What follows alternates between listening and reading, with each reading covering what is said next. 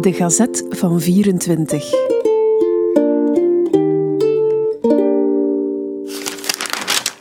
Veertien februari 1924.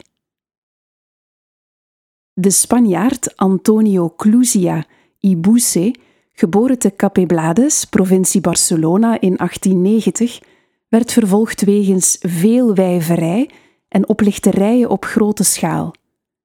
De man is niet minder dan zevenmaal gehuwd met vrouwen uit Uruguay, Bolivie, Venezuela, Costa Rica, de Filipijnen, waar hij met de dochter van het politiehoofd in den echt trad, en uit Spanje. Voor de rest weet Antonio op bijzonder behendige wijze kredietbrieven te zijn voordelen te vervalsen. Hij gelukte erin al dus voor 4 miljoen te ontvreemden.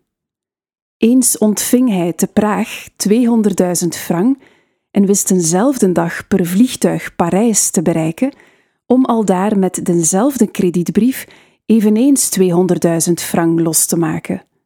Op het eiland Mauritius deed hij zich doorgaan als koning van Spanje. Gisteren heeft de veertiende rechtbank hem bij verstek tot vijf jaar gevangenisstraf veroordeeld.